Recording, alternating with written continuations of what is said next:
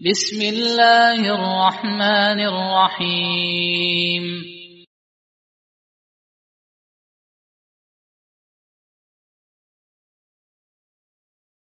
السلام عليكم ورحمة الله وبركاته. إن الحمد لله نحمده ونستعينه ونستغفره ونعوذ بالله من شرور أنفسنا وسيئات أعمالنا.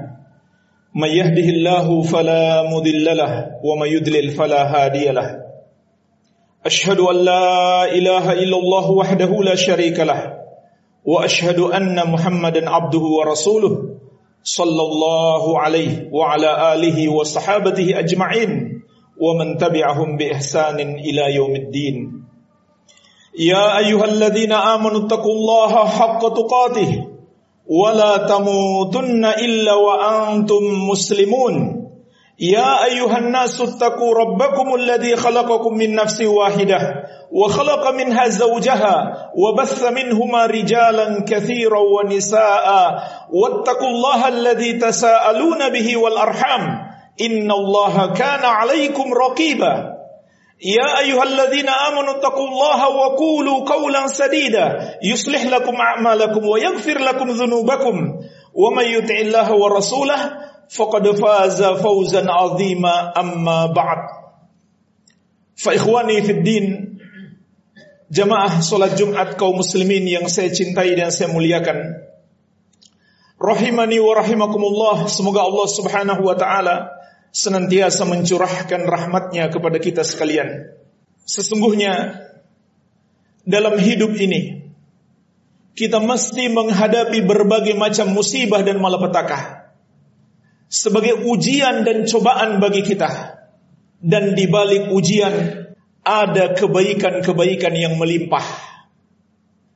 Maka pandanglah musibah, pandanglah bencana, pandanglah sesuatu yang tidak menyenangkan dalam hidup kita dari sisi kebaikannya. Jangan hanya melihat dari sisi keburukannya saja. Kekurangan harta kita, tidak lancarnya bisnis kita, sakitnya jasad kita, sakitnya orang-orang yang kita cintai, bahkan meninggal dunia. Pandanglah itu semua jemaah sekalian dari sisi kebaikannya juga. Jangan hanya melihat keburukannya, sesungguhnya kebaikannya jauh lebih banyak. Bagi orang-orang yang beriman, apabila ditimpa musibah, sesungguhnya kebaikan yang ada di balik musibah itu jauh lebih banyak. Karena sayangnya Allah kepada kita. Allah menganugerahkan rahmatnya bukan hanya dalam kenikmatan, tapi juga dalam musibah yang menimpa kita ada rahmat Allah. Kalau kita hadapi dengan sikap yang benar. Allah Subhanahu wa taala menegaskan, "Walanabluwannakum bisyai'in minal khaufi wal ju'i wa naqsin minal amwali wal samarat wa sabirin." Dan sungguh benar-benar kami akan menguji kalian kami akan timpakan kepada kalian balak yaitu sedikit saja rasa takut, kelaparan dan kekurangan. Kekurangan harta, jiwa dan tumbuh-tumbuhan atau buah-buahan. Sedikit saja kata Allah tidak banyak sebenarnya. Karena kalau banyak kita semuanya sudah hancur binasa. Wabashiris sabirin dan berilah kabar gembira kepada orang-orang yang sabar. Alladzina idza asabathum musibatun qalu inna lillahi wa inna ilaihi raji'un. Yaitu orang-orang yang apabila ditimpa musibah maka mereka mengucapkan inna lillahi wa inna ilaihi raji'un. Sesungguhnya kami ini milik Allah dan kami akan kembali kepada Allah. Ulaika alaihim salawatu min rabbihim wa rahmah wa ulaika humul muhtadun. Maka orang-orang sabar menghadapi musibah itu akan mendapatkan salawat dari Allah, rahmatnya dan merekalah yang akan mendapatkan hidayah. Perhatikanlah jemaah sekalian ayat-ayat yang mulia ini. Empat keutamaan yang Allah akan berikan kalau kita hadapi musibah dengan kesabaran. Yang pertama kata Allah, wabashiris sabirin, berikan kabar gembira bagi orang-orang yang sabar itu. Maksudnya mereka akan mendapatkan pahala yang melimpah. Innama sabiruna ajrahum hisab. Di ayat yang lain Allah mengatakan, hanyalah pahala orang-orang yang sabar itu yang tanpa terhitung. Rasulullah sallallahu alaihi wasallam juga menegaskan, "Inna idzamal jaza ma'a idzamil bala wa inna Allah idza ahabba qauman ibtalahum faman radiya falahu ridha wa man sakhita falahu sakhat." Sesungguhnya besarnya pahala kita tergantung pada besarnya musibah. Makin besar musibah kita, makin besar pula kesabaran kita, maka pahala semakin melimpah. Dan sesungguhnya Allah, kata Nabi Sallallahu Alaihi Wasallam, apabila mencintai satu kaum, maka Allah akan timpakan kepada mereka bala. Kalau mereka ridho, Allah pun ridho kepada mereka. Tapi kalau mereka marah, mereka tidak senang dengan ketentuan Allah, maka Allah pun murka kepada mereka. Jadi jemaah sekalian, jangan marah-marah dengan adanya musibah wabah yang melanda kita. Nauzubillah. Kata Nabi sallallahu alaihi wasallam, siapa yang ridho dengan takdir berupa musibah yang Allah timpakan, Allah pun ridho kepadanya. Tapi siapa yang marah, Allah pun marah kepadanya. Ini yang pertama jemaah sekalian, pahala sabar yang melimpah. Yang kedua kata Allah Subhanahu wa taala, mereka akan mendapatkan salawat dari Allah. Apa yang dimaksud dengan salawat? Kata Imam Al-Qurtubi dalam tafsir beliau, ampunan Allah. Allah bersalawat kepada hamba, artinya Allah mengampuni dan memaafkan dosa-dosanya. Jadi jemaah sekalian, di balik musibah, ada ampunan atas dosa-dosa kita. Rasulullah sallallahu alaihi wasallam juga menegaskan, "Ma min musibatin tusibul muslim illa kaffarallahu anhu biha khatayahu hatta syaukati yushakuha." Tidak ada satu musibah pun yang menimpa seorang muslim kecuali itu akan menjadi penghapus dosa-dosanya walaupun hanya duri kecil yang menusuknya. Yang ketiga kata Allah, rahmat Orang-orang yang sabar menghadapi musibah itu akan mendapatkan rahmat Allah. Yaitu di dunia mereka dicurahkan berbagai macam kebaikan. Dan di akhirat mereka akan dimasukkan ke dalam surga. Dan Rasulullah SAW berbicara secara khusus tentang orang tua yang kehilangan anak. Dalam sebuah hadis kudsi, Nabi Shallallahu Alaihi Wasallam mengabarkan, Allah Subhanahu Wa Taala berfirman kepada para malaikatnya, "Qabattum walada abdi." Kalian telah mengambil anak hambaku. Para malaikat menjawab, "Ya." Lalu Allah mengatakan, "Qabattum samarata fuadi." Kalian telah mengambil buah hatinya. Perhatikan jemaah sekalian, penamaan buah hati terhadap anak itu dari hadis Nabi Shallallahu Alaihi Wasallam. Para malaikat menjawab, "Ya." Lalu kata Allah, "Madza qala abdi?" Apa yang dikatakan oleh hambaku? Tentu Allah Maha mengetahui apa yang dia katakan. Para malaikat menjawab, "Hamidaka wastarja." Hambamu itu memujimu, mengucapkan alhamdulillah dan mengucapkan inna lillahi wa inna ilaihi raji'un. Maka Allah berfirman, "Ubnu li abdi baitan fil jannah wa sammuhu baital hamdi." Bangunkan untuk hambaku tersebut sebuah rumah di surga dan namakan rumah itu sebagai rumah alhamdu, pujian kepada Allah. Artinya jemaah sekalian, Allah maha terpuji, Allah layak dipuji ketika Allah timpakan musibah kepada kita. Bukan hanya ketika Allah memberikan nikmat kepada kita, tapi juga ketika Allah menimpakan musibah kepada kita, Allah masih sangat layak untuk dipuji.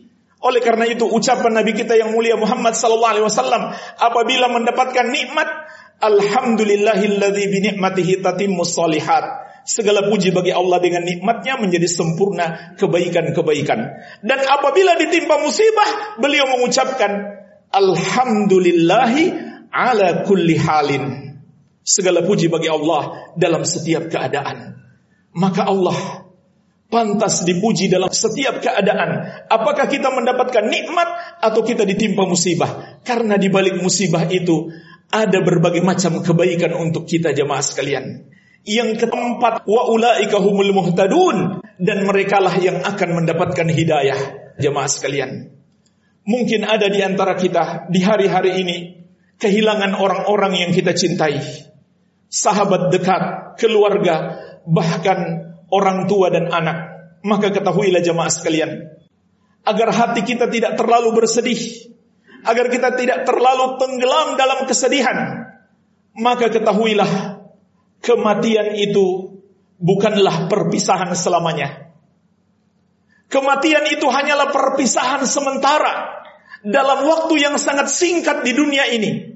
Untuk kemudian kita akan berjumpa selama-lamanya bagi orang-orang yang beriman, mereka kelak akan berjumpa dalam keadaan yang lebih baik, yaitu di surga Allah Subhanahu wa taala. Perhatikanlah firman Allah, "Jannatu adni yadkhulunaha wa man salaha min abaihim wa azwajihim wa dzurriyyatihim." Surga-surga Aden yang akan dimasuki oleh orang-orang yang beriman bersama dengan orang-orang yang beriman, orang tua mereka, istri-istri mereka, dan anak cucu mereka. Maka Allah mengabarkan kepada kita dalam ayat ini, kelak kita akan berjumpa kembali dengan orang-orang yang kita cintai di surga Allah Subhanahu wa taala. Perjumpaan yang sangat berbahagia untuk selama-lamanya tidak akan terpisah lagi oleh karena itu sadarilah jemaah sekalian, dunia ini sementara, tidak lama lagi kita akan berpisah. Maka hendaklah perjumpaan yang harus lebih kita dambakan adalah di surga Allah Subhanahu wa taala dalam keadaan mendapatkan nikmat yang sangat besar dan kekal abadi. Tapi Allah memberikan syarat perjumpaan di surga hanya bagi orang-orang yang beriman. Hanya bagi orang-orang yang layak masuk surga. Sebagaimana juga di ayat yang lain kata Allah, "Walladzina amanu wattaba'athum dzurriyyatuhum biimanin alhaqna bihim dzurriyyatahum wama alatnahum min amalihim min syai' kullu mri'in bima kasaba rahin." Orang-orang yang beriman dan diikuti oleh anak keturunan mereka dalam keimanan, maka kami akan satukan kelak mereka di surga dan kami tidak akan mengurangi pahala mereka sedikit pun setiap orang bertanggung jawab atas apa yang dia kerjakan. Jadi jemaah sekalian, inilah yang kita harapkan sebagai orang yang beriman. Berjumpa kembali dengan orang tua yang kita cintai, dengan sahabat-sahabat yang kita cintai, yang telah wafat mendahului kita di surga Allah. Tapi syaratnya apa? Syaratnya harus ada keimanan. Syarat utama harus kita beriman kepada Allah Subhanahu wa taala. Oleh karena itu jemaah sekalian, yang terpenting dalam hidup kita adalah bertakwa kepada Allah dan jangan sekali-kali kita pergi meninggalkan dunia ini kecuali dalam keadaan sebagai orang yang beriman. Karena itulah penentuan kita beriman atau tidak, yaitu di akhir hayat kita. Allah menegaskan Ya ayyuhalladzina amanu taqullaha haqqa tuqatih wa la tamutunna illa wa antum muslimun. Wahai orang-orang yang beriman, bertakwalah kalian kepada Allah dengan sebenar-benar ketakwaan kepadanya dan jangan sekali-kali kamu mati kecuali dalam keadaan sebagai seorang muslim wala tamutunna illa wa antum muslimun. Jangan sekali-kali kalian mati kecuali kalian dalam keadaan sebagai seorang muslim. Kenapa jemaah sekalian? Karena orang yang bukan muslim yang tidak beriman kepada Allah, yang kafir kepadanya tidak mungkin selamat. Innalladzina kafaru min ahlil kitabi wal musyrikina fi nari jahannam khalidina fiha ulaika hum syarrul bariyah. Sesungguhnya orang-orang kafir dari kalangan ahlul kitab Yahudi dan Nasrani dan al musyrikin semua yang menyembah kepada selain Allah tempat mereka di neraka jahanam mereka kekal di dalamnya, mereka itulah seburuk-buruk makhluk. Walaupun mereka punya keluarga orang beriman, mereka tidak mungkin berjumpa di surga. anak Nabi Nuh alaihi salam yang tidak mau beriman tidak bisa masuk ke surga bersama beliau. Ayah Nabi Ibrahim alaihi salam yang tidak mau beriman tidak bisa masuk di surga bersama beliau. Paman Nabi Muhammad wasallam, paman-paman beliau yang tidak beriman tidak bisa masuk ke surga bersama beliau. Jadi syarat kita berjumpa kembali dengan keluarga kita di surga adalah kita masih punya keimanan. Walaupun mungkin jemaah sekalian, kita banyak dosa dan kita ditetapkan masuk neraka, tapi selama kita masih punya keimanan, kita masih mungkin selamat, masih mungkin diampuni oleh Allah. Adapun orang-orang yang tidak punya keimanan tidak akan selamat sama sekali. Begitu pula jemaah sekalian, selama kita masih punya keimanan, walaupun kita banyak dosa, kita masih mungkin mendapatkan syafaat. Di antaranya syafaat dari keluarga, syafaat anak untuk orang tua, syafaat orang tua untuk anak, syafaat teman-teman dekat. Sebagaimana Allah berfirman tentang ucapan orang-orang musyrik kelak di hari kiamat. وَمَا أَضَلَّنَا إِلَّا الْمُجْرِمُونَ فَمَا لَنَا مِنْ شَافِئِ وَلَا صَدِيقٍ حَمِيمٍ tidak ada yang menyesatkan kami kecuali para pendosa itu. Maka kami hari ini, kata orang-orang musyrik, tidak ada yang bisa memberi syafaat. Tidak pula sahabat dekat yang dapat menolong kami. Maksud ayat ini jemaah sekalian, orang-orang musyrik tidak bisa diberi syafaat walaupun oleh teman dekatnya, walaupun oleh keluarga dekatnya. Maka itu bermakna sebaliknya kata para ulama, orang-orang beriman dapat syafaat. Orang-orang yang beriman bisa mendapatkan syafaat dari keluarga dekat atau teman-teman dekatnya. Oleh karena itu jemaah sekalian, jangan sekali-kali kita mati kecuali di atas Islam, di atas iman kepada Allah dan kepada Rasulnya Muhammad sallallahu alaihi wa ala alihi wasallam. Wabillahi taufik. Alhamdulillah ala ihsanih wa syukru lahu ala taufiqihi wa amtinani.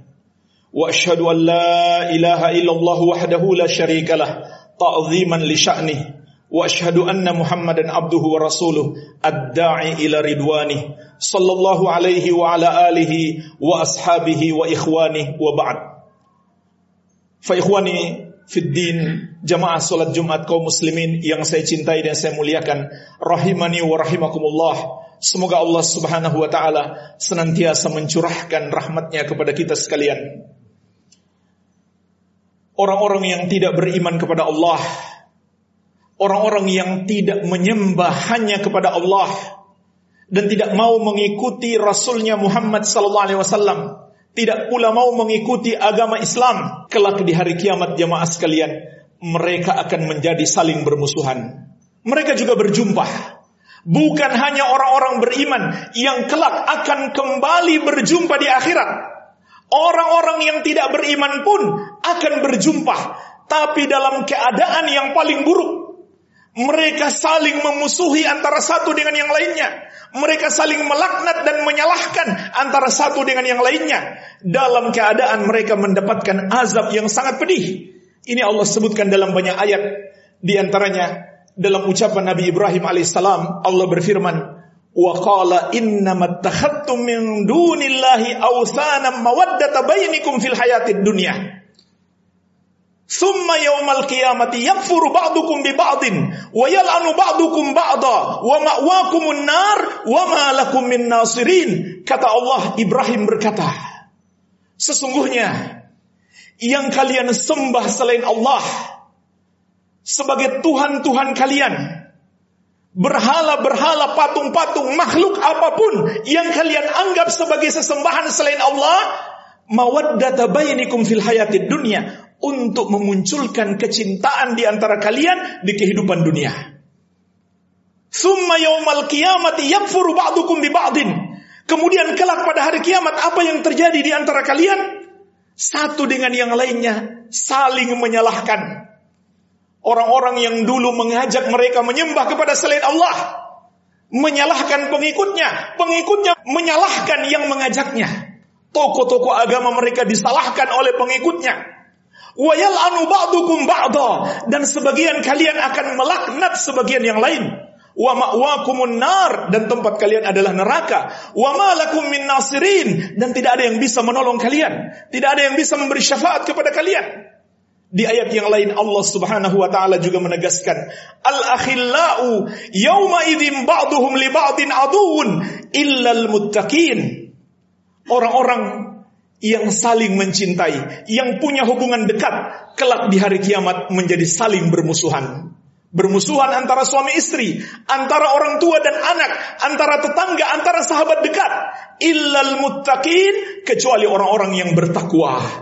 Maka berdasarkan ayat ini, semua hubungan kasih sayang, semua hubungan baik yang dibangun di atas perbuatan dosa, perbuatan menentang syariat Allah akan berakhir dengan permusuhan di akhirat kelak. Hanya satu cinta yang akan bertahan. Cinta yang dibangun di atas dasar iman dan takwa kepada Allah. Maka jemaah sekalian, jika kita ingin berjumpa dengan orang-orang yang kita cintai yang sudah pergi meninggalkan kita, jadilah orang yang beriman dan bertakwa dan doakan terus orang-orang yang kita cintai tersebut agar Allah mengampuni dosa-dosa mereka agar Allah merahmati mereka dan ketahuilah jemaah sekalian Allah hanya akan mengampuni kalau dia masih muslim. Kalau dia masih muslim walaupun dulu di dunia kita kenal ada banyak dosa dia kerjakan. Jemaah sekalian dia masih punya hak untuk kita doakan. Dan mungkin dia diampuni dengan sebab doa kita terutama doa anak yang soleh. Walaupun hanya teman kalau kita doakan bisa jadi Allah mengampuni dia. Walaupun dulu di dunia dia orang yang mungkin banyak dosa selama dia masih muslim. Namun kalau dia telah mempersekutukan Allah, mati di atas kekufuran, bahkan Allah melarang kita mendoakannya. Maka lin nabi walladzina amanu ayastaghfiru lil musyrikin walau kanu uli kurba. Tidak pantas bagi nabi dan bagi orang-orang yang beriman untuk mendoakan, memohonkan ampun bagi orang musyrik walaupun kerabat dekat. Nabi pun andai berdoa untuk keluarganya yang mati dalam keadaan musyrik, Allah tidak akan kabulkan. Allah melarang perbuatan itu. Inna Allah la yaghfiru ayyushraka bihi wa yaghfiru yasha. Sesungguhnya Allah tidak akan mengampuni dosa syirik, dosa menyembah kepada selain Allah, menduakan Allah, mempersekutukan Allah dan Allah akan mengampuni dosa selain itu bagi siapa yang Dia kehendaki. Maka jangan lupakan doakan ampunan, doakan kebaikan untuk keluarga dan sahabat-sahabat kita yang telah wafat mendahului kita dan semoga Allah pertemukan kita di surganya yang penuh kenikmatan dan dilindungi dari api neraka. Allahumma salli ala Muhammad wa ala ali Muhammad kama sallaita ala Ibrahim wa ala ali Ibrahim innaka Hamidum Majid. Allahumma ighfir lil muslimina wal muslimat wal mu'minina wal mu'minat الأحياء منهم والأموات. إنك السميع قريب مجيب دعوات. ربنا آتنا في الدنيا حسنة وفي الآخرة حسنة وقنا عذاب النار. وصلى الله على نبينا محمد وآله وسلم. وآخر دعوانا أن الحمد لله رب العالمين.